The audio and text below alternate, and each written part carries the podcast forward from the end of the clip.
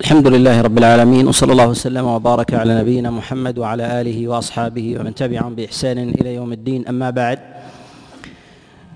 ففي هذا المجلس في الخامس من شهر ذي القعدة عام خمس وثلاثين بعد الأربعمائة والألف نكمل ما تبقى أو نكمل شيئا مما تبقى من الأحاديث المعلة في أبواب الصلاة. وكنا قد شارفنا على الانتهاء من من أبواب أبواب صلاة الكسوف. وكذلك أيضا أشرنا ونبهنا إلى أنه بقي جملة من الأبواب اليسيرة وذلك كأبواب التطوع وأبواب وأبواب صلاة الخوف. وكذلك أيضا في صلاة الجمعة وإنما هي أحاديث يسيرة قد تكلم عليها العلماء. نتكلم بإذن الله عز وجل في هذا المجلس على ما تبقى من أحاديث صلاة الكسوف ثم نشرع بإذن الله عز وجل بأحاديث صلاة التطوع. وأول أحاديث الكسوف هو حديث عبد الله بن عباس عليه رضوان الله تعالى ويرويه عنه عكرمة مولى عبد الله بن عباس أنه قال سمعت صوتا بالمدينة فنظرت فإذا فإذا صفية أم المؤمنين قد توفيت. فنظرت إلى عبد الله بن عباس فإذا هو ساجد ولم في آه، ساجد بعد الفجر والشمس لم تطلع. فقلت له في ذلك فقال لا أم لك. انا أمرنا بالسجود عند الآيات وأي آية أعظم من من موت أمهات المؤمنين من بيننا. هذا الحديث أخرجه الإمام أحمد في المسند وأبو داود والترمذي بألفاظ من حديث الحكم بن أبان عن إكرمة عن عبد الله بن عباس. وهذا الحديث قد رواه عن الحكم جماعة. رواه عنه ابنه إبراهيم بن الحكم وكذلك حفص بن عمر العدني ورواه خالد بن يزيد العمري ورواه سلم بن جعفر. هؤلاء الجماعة الذين يروونه عن الحكم بن أبان عن عكرمة عن عبد الله بن عباس. وهؤلاء قد تكلم العلماء فيهم. منهم من لا يقوم بنفسه ولا يقوم بغيره ومنهم ما يقوم بغيره. ونقول هذا الحديث يرويه أولهم إبراهيم بن الحكم وقد ضعفه غير واحد من العلماء. وذلك كالنسائي والإمام أحمد وترك بعض الأئمة حديثه. وكذلك يرويه خالد بن عمر العد خالد بن يزيد العمري وحفص بن عمر العدني. وهؤلاء أيضا وهؤلاء أيضا قد ضعفوا. وخالد بن يزيد قد اتهم اتهم في حديثه فقد اتهمه يحيى يحيى ابن معين. وأمثل هؤلاء هو سلم بن جعفر. أمثل هؤلاء هو سلم بن جعفر. وقد وثقه يحيى ابن أبي كثير وقد وثقه يحيى ابن أبي ابن أبي كثير. ولكن نقول إن ابن جعفر هذا قليل الحديث قليل الحديث. وقد روى هذا الحديث عن الحكم بن أبان عن عكرمة عن عبد الله بن عباس وتفرد وتفرد به. ولا يعرف عن عبد الله بن عباس عليه رضوان الله تعالى بإسناد أمثل من هذا بإسناد أمثل أمثل من هذا. والمتن في ذلك والمتن في هذا في هذا تفرد به. فلا يحفظ عن أحد من الخلفاء الراشدين أنه أنه صلى أو سجد للآيات في غير الكسوف والخسوف. وقد أشار إلى هذا المعنى الشافعي رحمه الله كما في كتاب الأم قال لا يثبت عن رسول الله صلى الله عليه وسلم ولا عن أحد من خلفائه الصلاة في الآيات إلا في الكسوف إلا في الكسوف. ومثل هذا لو ثبت لنقل ومثل هذا لو ثبت لنقل لأن الآيات في نزولها أكثر عددا من ورود الكسوف والخسوف. أكثر من ورود الكسوف والخسوف. فإنه يعتري الناس خاصة إذا إن هذا الحديث أشار إلى آية من الآيات وهي وفاة أحد أزواج النبي صلى الله عليه وسلم أمهات المؤمنين.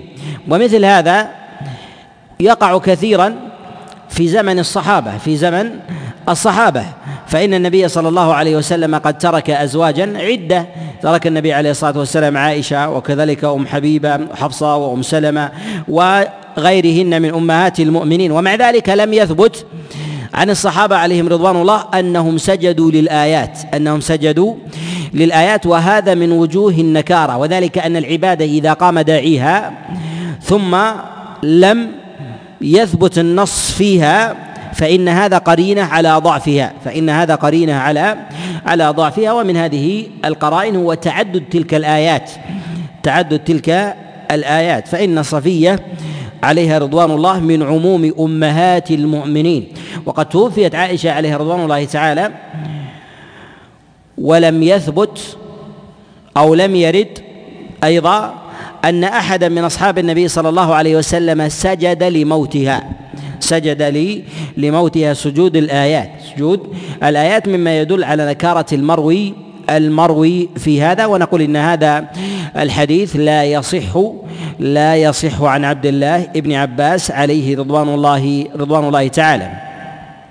الحديث الثاني وحديث عائشة عليها رضوان الله.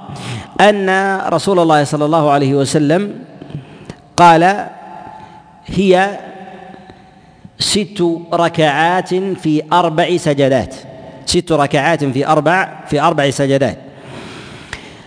جاء على سبيل الإجمال هكذا بعضهم يحمله على صلاة الكسوف وبعضهم يحمله على صلاة الآيات على صلاة الآيات. أخرج هذا الحديث النسائي في كتابه السنن من حديث معاذ بن هشام عن أبيه عن قتادة عن عطاء عن عبيد بن عمير عن عائشة. أنها قالت قال رسول الله صلى الله عليه وسلم هي ست ركعات في في أربع سجدات. قال قتادة صلاة الآيات. قال قتادة صلاة صلاة الآيات. وهذا من الأدلة التي استدل بها من قال بمشروعية صلاة الآيات أو السجود عندها.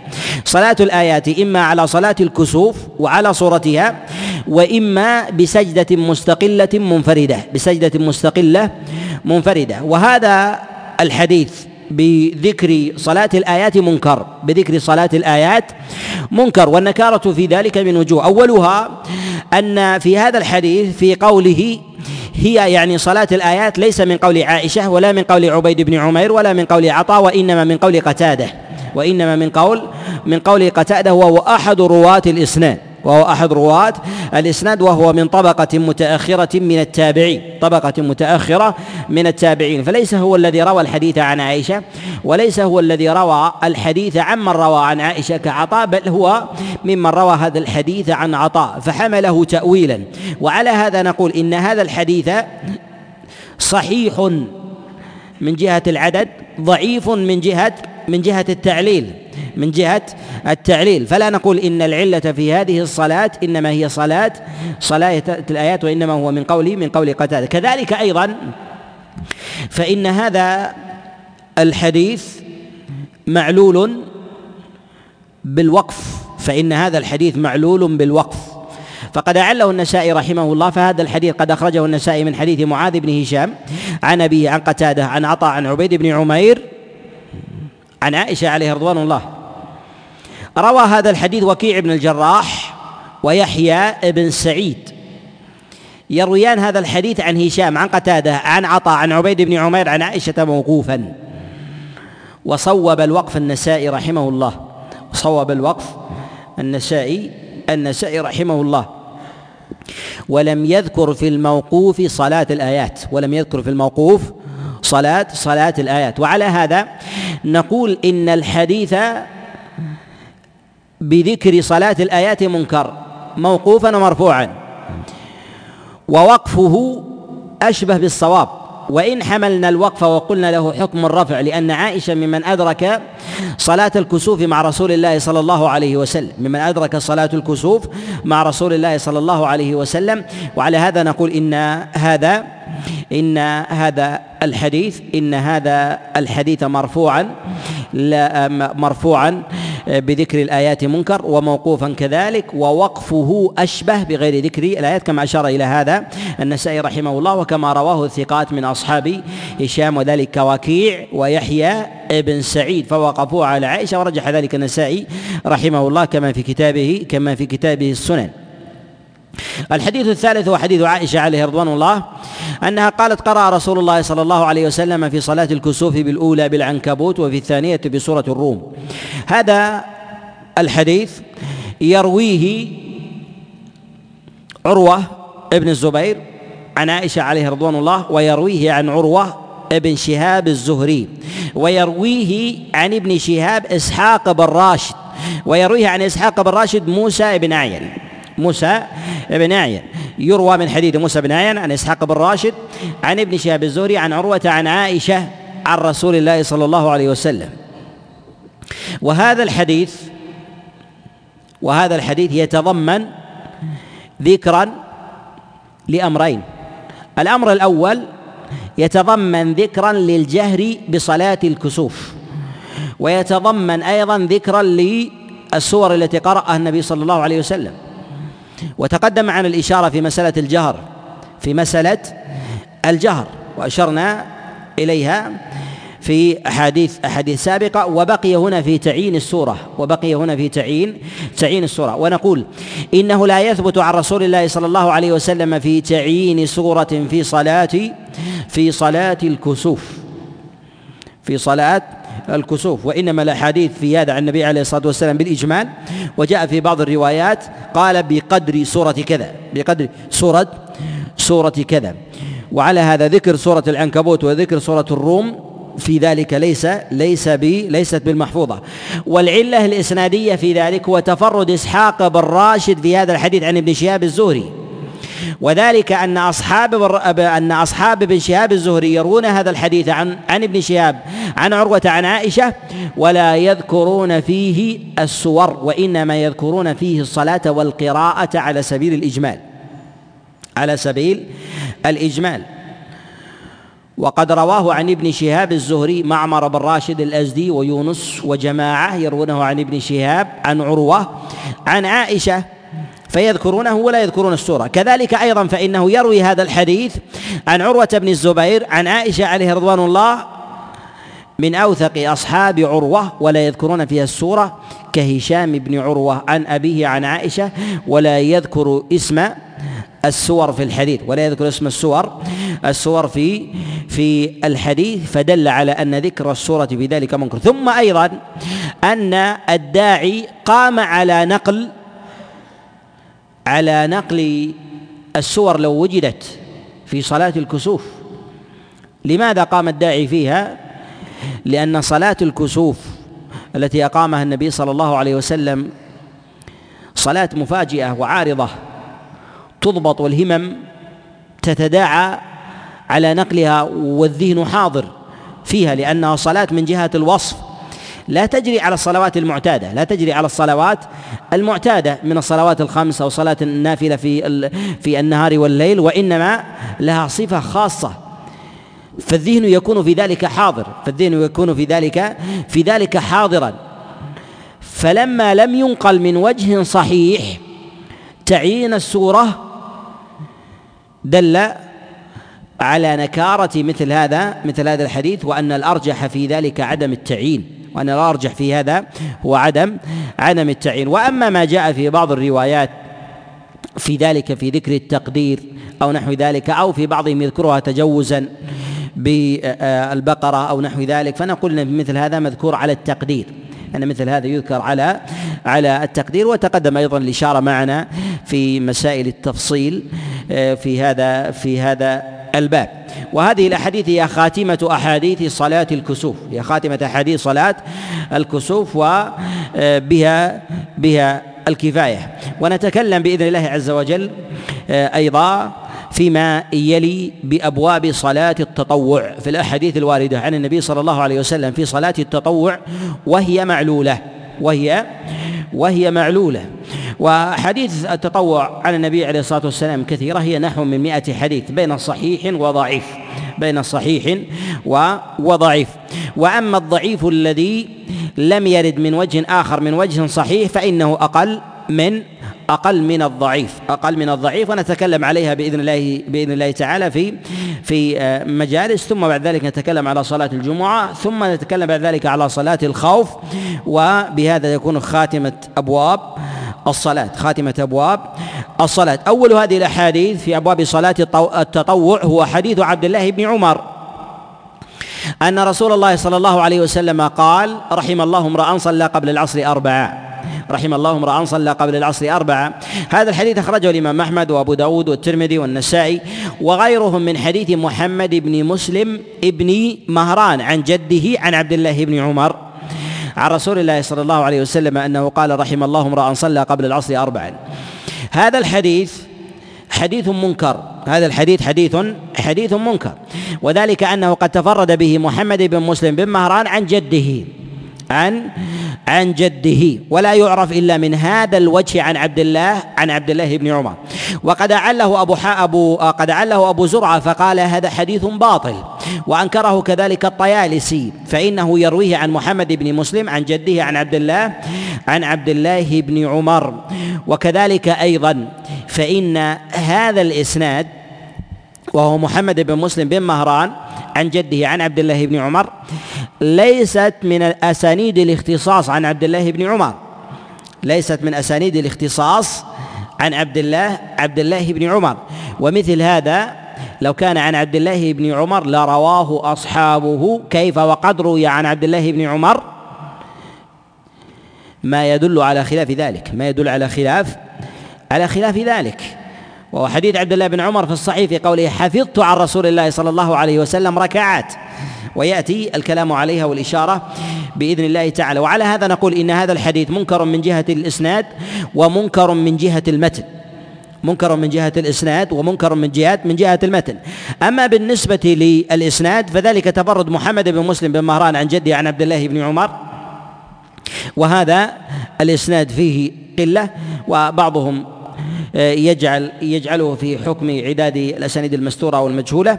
كذلك أيضا فإنه لم يروى من غير هذا الوجه فهو فرد غريب عن عبد الله عن عبد الله بن عمر عن رسول الله صلى الله عليه وسلم. وأما بالنسبة للعله المتنية العلة المتنية فإن هذا الحديث فيه الإشارة إلى السنة القبلية في صلاة العصر السنة القبلية في صلاة العصر. وظاهر الحديث الديمومة. رحم الله امرأ صلى قبل العصر قبل العصر أربعا. فلم تذكر من فعل النبي عليه الصلاة والسلام أنه صلى قبل العصر أربعا ويسكت أو نحو ذلك. وإنما فيها دعاء بالرحمة لمن فعل ذلك. وهذا يقتضي الديمومة ومقتضى الديمومة النقل والاستفاضة. النقل والاستفاضة. فيدل على نكارة المتن عدم النقل من وجه صحيح لا معارض له عن عبد الله بن عمر وعن غيره. ويدل كذلك عليه أنه جاء عن عبد الله بن عمر ضبط صلاة النوافل في الليل والنهار في الصحيحين وغيرهما ولم يذكر منها الصلاة قبل العصر أربعا ولم يذكر منها الصلاة قبل العصر أربعا. قد جاء في صحيح البخاري ومسلم من حديث نافع عن عبد الله بن عمر أنه قال حفظت عن رسول الله صلى الله عليه وسلم عشر ركعات. ركعتين قبل الظهر وركعتين بعدها وركعتين بعد المغرب وركعتين بعد العشاء وركعتين قبل الفجر وركعتين قبل قبل الفجر. جاء في رواية من حديث نافع عن عبد الله بن عمر قال وركعتين بعد الجمعة قال وركعتين بعد بعد الجمعة وهو وهو في الصحيح. هذا في ضبط صلاة النبي عليه الصلاة والسلام في النافلة وقوله حفظت عن رسول الله يعني أنه سبر حال رسول الله صلى الله عليه وسلم وعرفه. وخاصة أن عبد الله بن عمر عليه رضوان الله ممن يدخل إلى بيت النبوة وذلك عند عند أخته حفصة بنت عمر. يدخل ويشاهد ولهذا قال وصليت مع رسول الله صلى الله عليه وسلم ركعتي المغرب والعشاء في بيته. في في بيته. يعني أنه تتبع صلاة النبي عليه الصلاة والسلام النافلة التي يصليها في بيته ومسجده فضبطها من جهة العدد وضبطها من جهة المكان وما ذكر منها الركعات قبل قبل العصر. كذلك أيضا فإن الأحاديث الواردة في الصحيح في ضبط الركعات عن النبي عليه الصلاة والسلام ليس منها الركعات قبل قبل العصر ليس منها الركعات قبل قبل العصر. ومنها ومنها حديث عائشة عليه رضوان الله فيما رواه مسلم وأبو داود وغيره من حديث عبد الله بن شقيق عن عائشة عليه رضوان الله تعالى. قالت ما كان رسول الله صلى الله عليه وسلم يدع اربعا قبل الظهر في بيتي ثم يخرج فيصلي بالناس ثم يدخل علي فيصلي ركعتين. فيصلي ركعتين. تأملوا هذا في صلاة الظهر. قالت ثم يخرج إلى الناس فيصلي المغرب. فيصلي المغرب. ثم يدخل علي فيصلي ركعتين. أين العصر؟ ما ذكرت. ثم يرجع فيصلي ركعتين. ثم يخرج فيصلي بالناس صلاة العشاء. ثم يدخل إلي فيصلي ركعتين. فيصلي ركعتين. وكان يقوم بتسع. الوتر منهن. ثم يصلي قبل الفجر ركعتين ثم يصلي قبل الفجر ركعتين. وذكر ذلك لسبر حال النبي صلى الله عليه وسلم. وفي حديث الإمام مسلم رحمه الله في حديث عبد الله بن عن عائشة فائدة وهي أنها ذكرت ركعتي العشاء في بيته من ضمن قيام الليل من ضمن قيام من ضمن قيام الليل.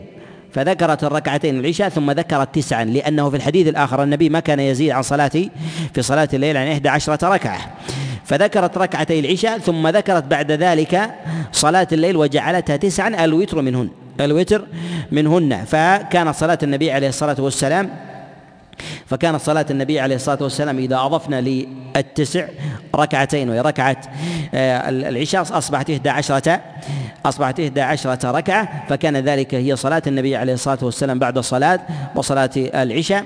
وهذا يدل على أنه لم يكن للنبي صلى الله عليه وسلم نافلة محفوظة ولا ننفي النافلة العارضة. النافلة العارضة. أما نافلة محفوظة فلم يثبت عن النبي عليه الصلاة والسلام ذلك قبل صلاة العصر ولا بعدها. قبل صلاة العصر ولا ولا ولا بعدها. وعلى هذا نقول إن هذا من أمارات إنكار حديث عبد الله بن عمر أن النبي صلى الله عليه وسلم قال رحم الله امرأ صلى قبل العصر قبل العصر العصر أربع وهل جاء عن رسول الله صلى الله عليه وسلم في الصلاة قبل العصر أحاديث؟ نعم جاء في ذلك جملة من الأحاديث. جاء في ذلك من حديث أم حبيبة وجاء من حديث علي بن أبي طالب وجاء من حديث أم سلمة. وجاء من حديث عبد الله بن عمر بن العاص وكلها معلولة وكلها وكلها معلولة. أولها وهو الحديث الثاني في هذا الباب هو حديث علي بن أبي طالب عليه رضوان الله أن رسول الله صلى الله عليه وسلم كان يصلي كان يصلي النافلة ست عشرة ركعة منهن أربع قبل العصر. هذا الحديث هو حديث علي بن أبي طالب عن النبي صلى الله عليه وسلم. أخرجه الترمذي في كتابه السنن من حديث أبي إسحاق عن عاصم بن ضمرة عن علي بن أبي طالب عن رسول الله صلى الله عليه وسلم. وهذا الحديث حسنه بعضهم. وهذا الحديث حسنه بعضهم نظرا إلى ظاهر الإسناد. ولكنه منكر من جهة الإسناد ومنكر من جهة المتن. أما من جهة المتن فإنه ذكر نافلة النبي ست عشرة ركعة. وهذا لم يرد لا في حديث صحيح ولا في حديث ضعيف عن النبي عليه الصلاة والسلام في سياق واحد. وإنما قد يأتي تلفيقا في بعض الروايات الضعيفة. يأتي تلفيقا في بعض الروايات الروايات الضعيفة. وقد أنكر ذلك وقد أنكر هذا الحديث جماعة من الأئمة من المتقدمين ومن المتأخرين. من المتقدمين كابن مبارك رحمه الله فإنه قال في هذا الحديث كذب. يعني أنه مخالف ما جاء النبي عليه الصلاة والسلام. وكذلك أيضا الجوزجاني رحمه الله فقال هذا الحديث باطل ولا يحدث به عن رسول الله صلى الله عليه وسلم. وذلك للانفراد بذكر هذا العدد بست عشرة ركعة ولم يرد ذلك عن النبي عليه الصلاة والسلام لأن الوارد عنه في يومه وليلته مما يصليه النبي عليه الصلاة والسلام من الرواتب. الوارد في ذلك اثنا عشر ركعة. كما جاء في حديث أم حبيبة وهو في صحيح الإمام مسلم ويأتي الكلام عليه. وكلام عليه يأتي الكلام عليه على سبيل الإجمال. وجاء على سبيل التفصيل في غير الصحيح في غير الصحيح ويأتي الكلام عليه والبيان علله أيضا. فنقول إن هذا الحديث من حديث أبي إسحاق عن عاصم بن ضمرة عن علي بن أبي طالب منكر من جهة المتن. وكان ابن تيمية رحمه الله ينكره. كان ابن تيمية رحمه الله ينكره وما فيه من ذكر الصلاة قبل العصر. في حديث علي بن أبي طالب نقول هل يعضد هذا الحديث ما جاء في حديث عبد الله بن عمر في ذكر الأربع؟ نقول إذا أنكر من الحديث لفظ أو سياق أو وصف ظاهر بين له تعلق بأصل الحديث فإن هذا أمارة على عدم ضبط الحديث كله. على عدم ضبط الحديث كله. فحينما يذكر العدد 16 ركعة في مثل هذا السياق ثم نأخذ لفظة واحدة ونوجد لها شاهدا في حديث آخر والحديث منكر. فنقول إن من أخطأ بمثل هذا العدد في ذلك وهو الخطأ في أربع ركعات في أربع أربع ركعات. فإنه ما ذكر 12 عشرة ركعة ثم وضعها في غير موضعها فيقال إن النبي عليه الصلاة والسلام ربما صلى في هذا الموضع وتركه في هذا الموضع فأخطأ من جهة العدد وأخطأ من جهة الموضع والزمان من جهة الموضع والزمان. كما جاء في رواية في حديث أم حبيبة في الاضطراب الاضطراب فيه من جهة الإسناد والاضطراب فيه من جهة المتن ويأتي أيضا الإشارة الإشارة إليه. وعلى هذا نقول إن هذا الحديث منكر من جهة من جهة آه، متنه وأما من جهة إسناده. فقد صحوا غير واحد من المتأخرين قالوا لظاهر السلامة في إسناده فإن أبا إسحاق يروي هذا الحديث عن عاصم بن ضمرة عن علي بن أبي طالب عليه رضوان الله وهم اعني أبا إسحاق ثقة وعاصم بن ضمرة أنه لم لم يضعف لم يضعف. نقول إن عاصم بن ضمرة ليس من أهل الاختصاص بعلي بن أبي طالب. ليس بأهل الاختصاص بعلي بن أبي طالب. وإن روي في هذا أو بهذا الإسناد وفي هذه السلسلة أبو إسحاق عن عاصم بن ضمرة عن علي بن أبي طالب غير حديث ولكن نقول إنها ربما تكون كتاب. ربما تكون تكون كتاب. أصله حفظ ثم كتب. أصله حفظ ثم ثم كتب. فليس فليس هذا الحديث من حديث علي وليس عاصم أيضا من أهل الاختصاص عن علي بن أبي طالب فعلي بن أبي طالب له أصحاب كبار يروون عنه مثل هذا هذا الحديث. ثم أيضا إن عاصم من طبقة متأخرة من أصحاب علي بن أبي طالب وليس من ليس من أصحابه من أصحابه المتقدمين ليس من أصحابه المتقدمين. ثم أيضا إنه لم يوافق عليه من وجه لا من جهة العدد ولا من جهة الوصف. لا من جهة العدد ولا من جهة الوصف. وإن وافق بعض الأحاديث من وجوه أخرى. وافق بعض الأحاديث من وجوه أخرى والموافقة من بعض الوجوه لا يعني صحة الحديث. لا يعني صحة الأحاديث لأنه من الأحاديث الموضوعة توافق الأحاديث التي في الصحيحين في بعض ألفاظها. ولكن نجد أنها موضوعة موضوعة بسبب بسبب وجه أو لفظ من الوجوه التي التي تروى تروى فيها. وعلى هذا نقول إن هذا الحديث وحديث علي بن أبي طالب عليه رضوان الله هو حديث منكر في ذكر الصلاة قبل قبل العصر أربعا قبل العصر أربعا. ثم أيضا أن الصلاة قبل العصر أربعا لم يثبت عن أحد من الخلفاء الراشدين أنه حافظ عليها أنه حافظ أنه حافظ عليه. وإنما الثابت عن غير واحد من الصحابة عليهم رضوان الله تعالى هو المحافظة على الصلوات التي جاءت في حديث أم حبيبة وفي حديث عبد الله بن عمر. في حديث أم حبيبة وفي حديث عبد الله بن عمر وحديث عبد الله بن عمر وحديث أم حبيبة هي أصح الأحاديث في النوافل الراتبة. هي أصح الأحاديث في النوافل في النوافل الراتبة. وغيرها يرجع إليها وغيرها يرجع يرجع إليها. والحديث السادس وهو الثالث في هذا الباب السادس والثالث في هذا الباب في أبواب صلاة التطوع في هذا هو حديث أم سلمة عليها رضوان الله وحديث عبد الله بن عمر عليه رضوان الله تعالى أنه قال قال رسول الله صلى الله عليه وسلم من صلى اربعا قبل العصر لم تمسه النار. هذا الحديث أخرجه الطبراني في معجمه من حديث عبد الكريم أبي أمية عن مجاهد عن عبد الله بن عمر عن رسول الله صلى الله عليه وسلم. وهذا الحديث معلول بعدة علل. أول هذه العلل أن هذا الحديث فيه عبد الكريم بن أبي المخارق وهو ضعيف الحديث.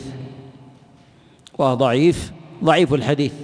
وقد تكلمنا عليه في مواضع عدة.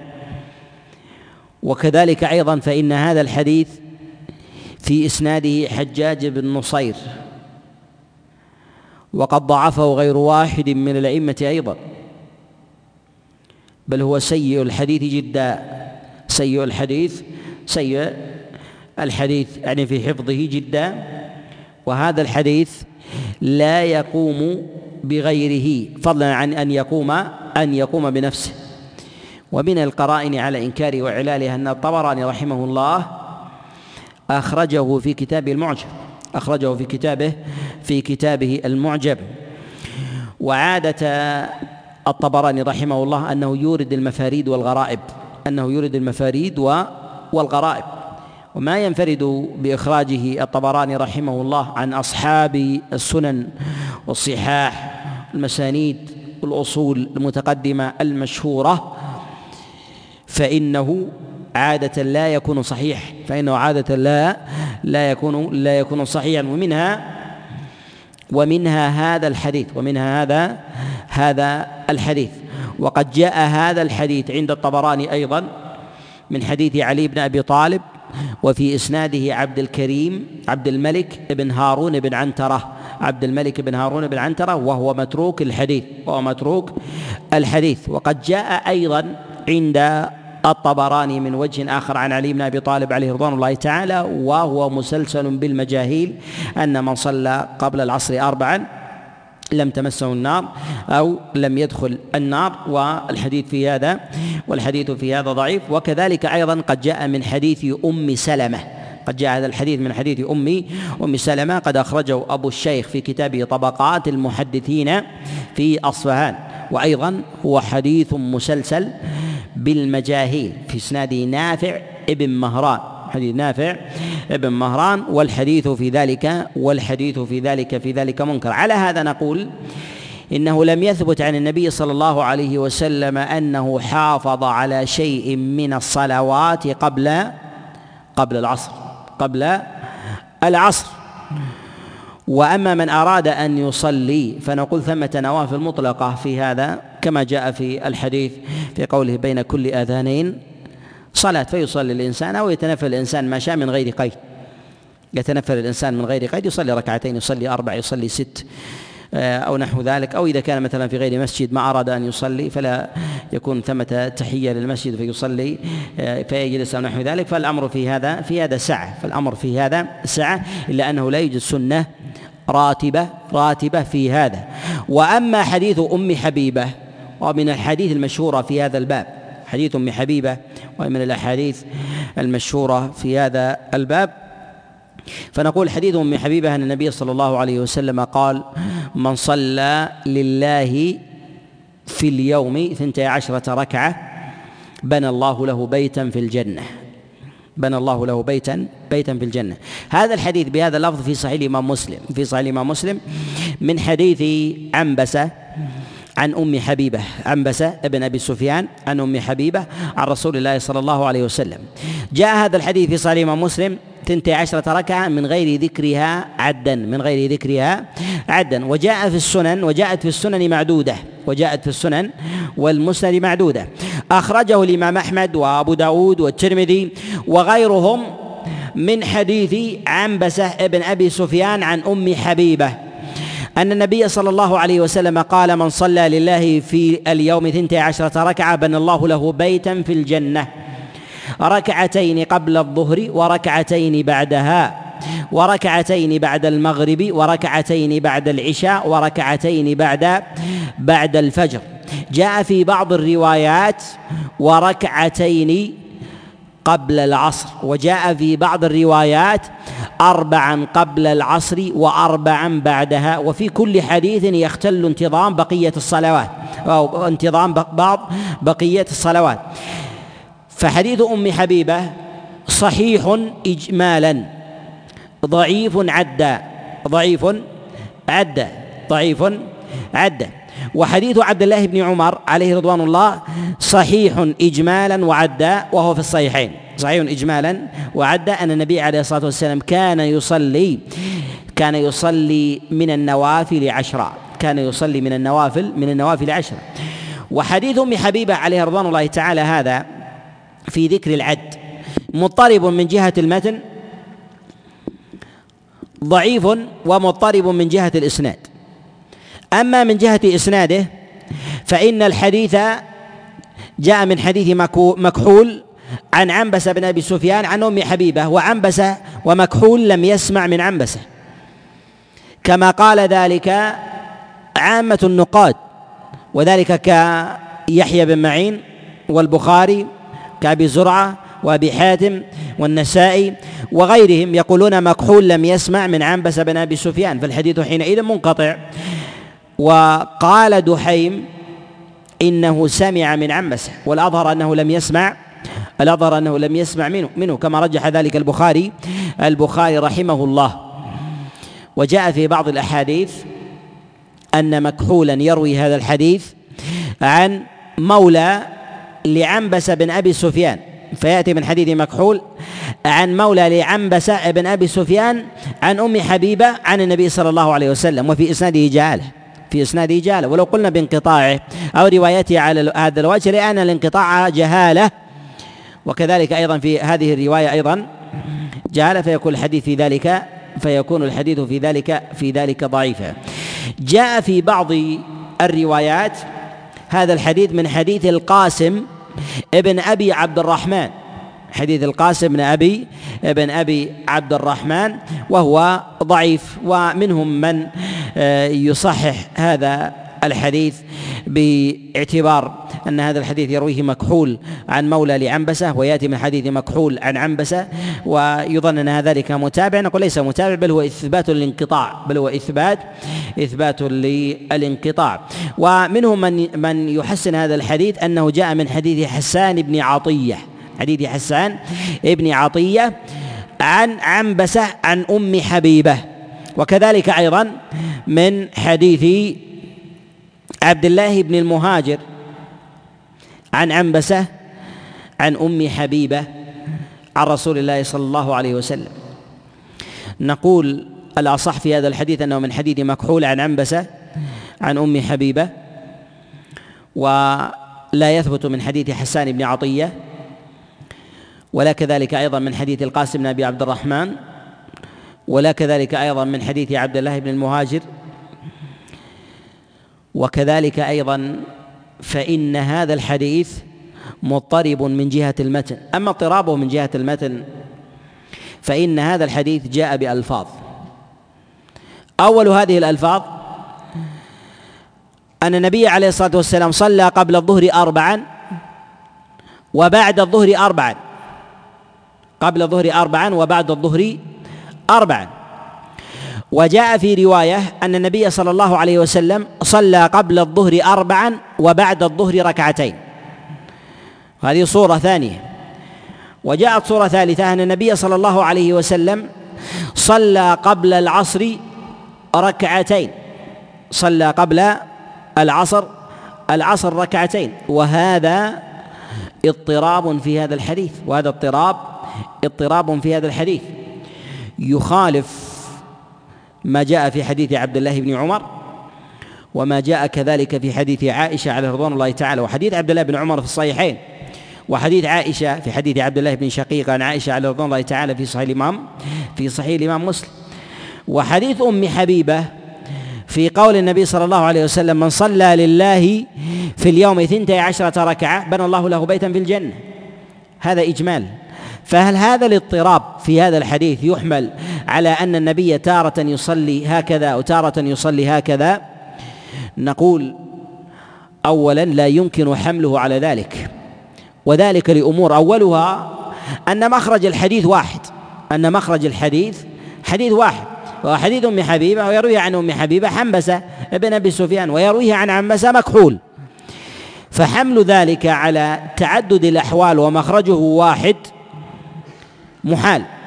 بل نقول انه إنه اضطراب في هذا اضطراب في هذا الحديث. وليس تعددا لأحوال حال النبي صلى الله عليه وسلم انه تارة يصلي هكذا وتارة يصلي هكذا بل هو عدم ضبط لهذا الحديث. بل هو عدم ضبط لهذا الحديث. ومن الوجوه أيضا أن لو حملنا ذلك على تعدد الأحوال في حال النبي صلى الله عليه وسلم أنه تارة يصلي هكذا وتارة يصلي يصلي هكذا لوجب أن يثبت ذلك عن النبي عليه الصلاة والسلام من وجوه أخرى.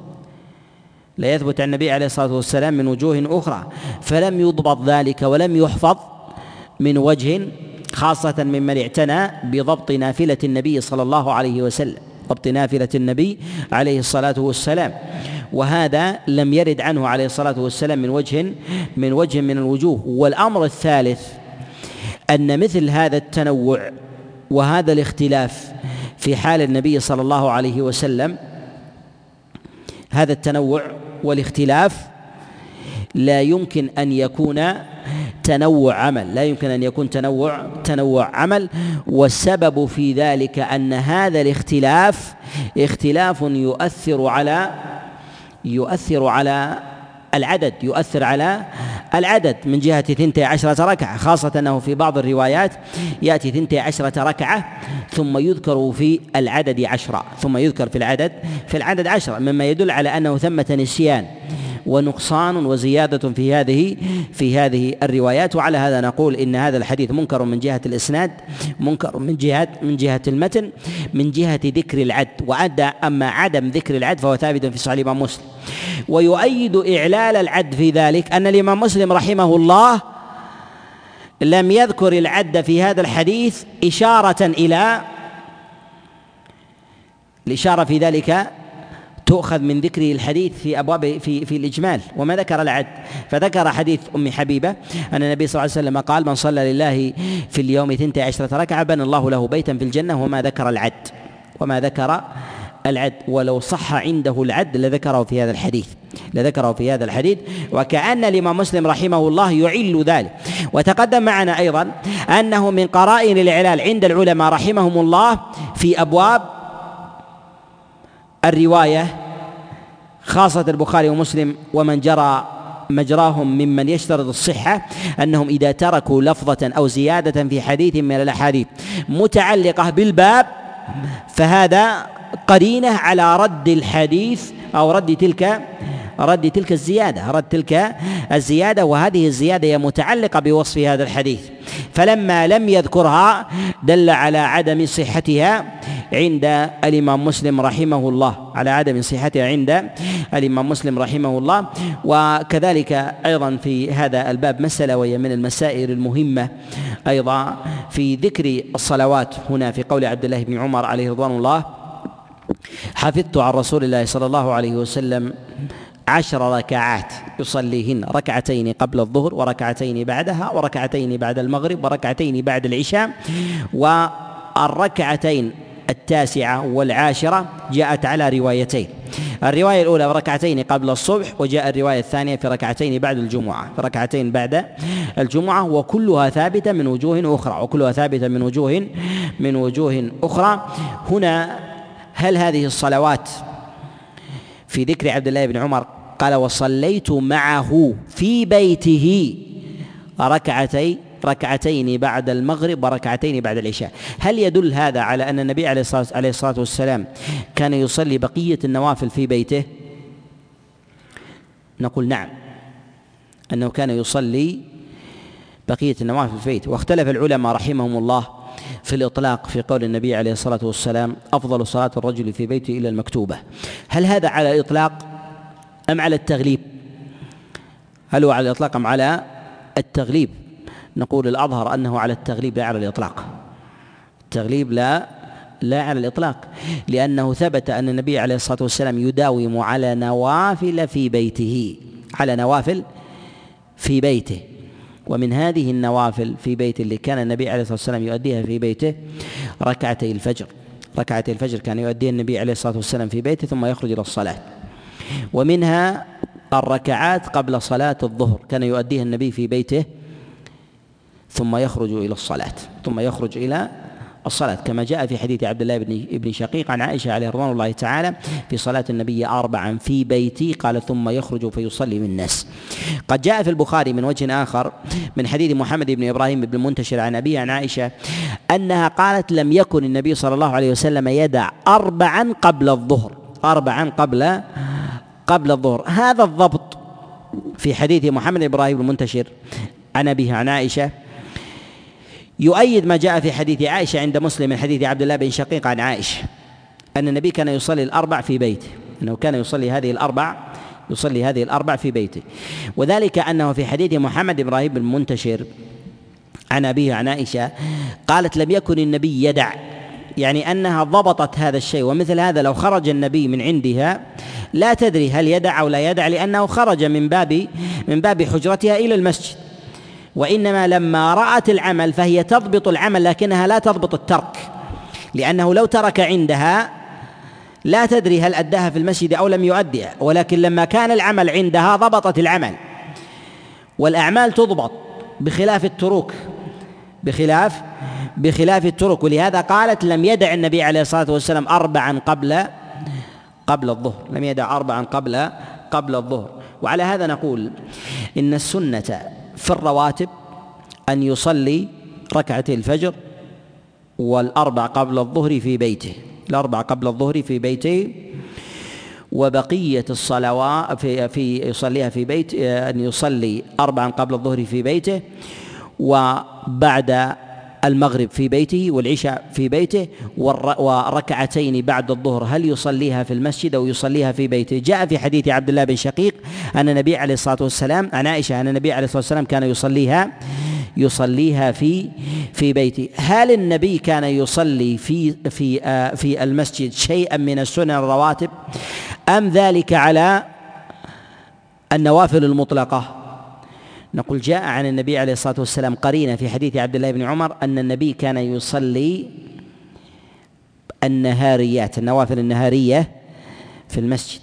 قال بعض العلماء إن في قول عبد الله بن عمر قال وصليت معه في بيته ركعتين بعد المغرب وركعتين بعد العشاء. قال إشارة إلى أن بقية هذه الصلوات هي الصلاة النهارية كانت في كانت في المسجد.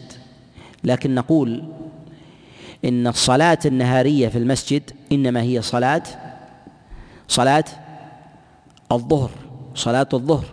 وبداية النهار وصلاة الفجر هي بين الليل والنهار فتكون في فتكون في بيته. فهل حديث عائشة أن النبي لم يكن يدع قبل الظهر أربعا؟ وفي حديث عبد الله بن عمر أنه كان يصلي أو حفظت عن النبي عشر ركعات ثم ذكر ركعتين قبل الظهر.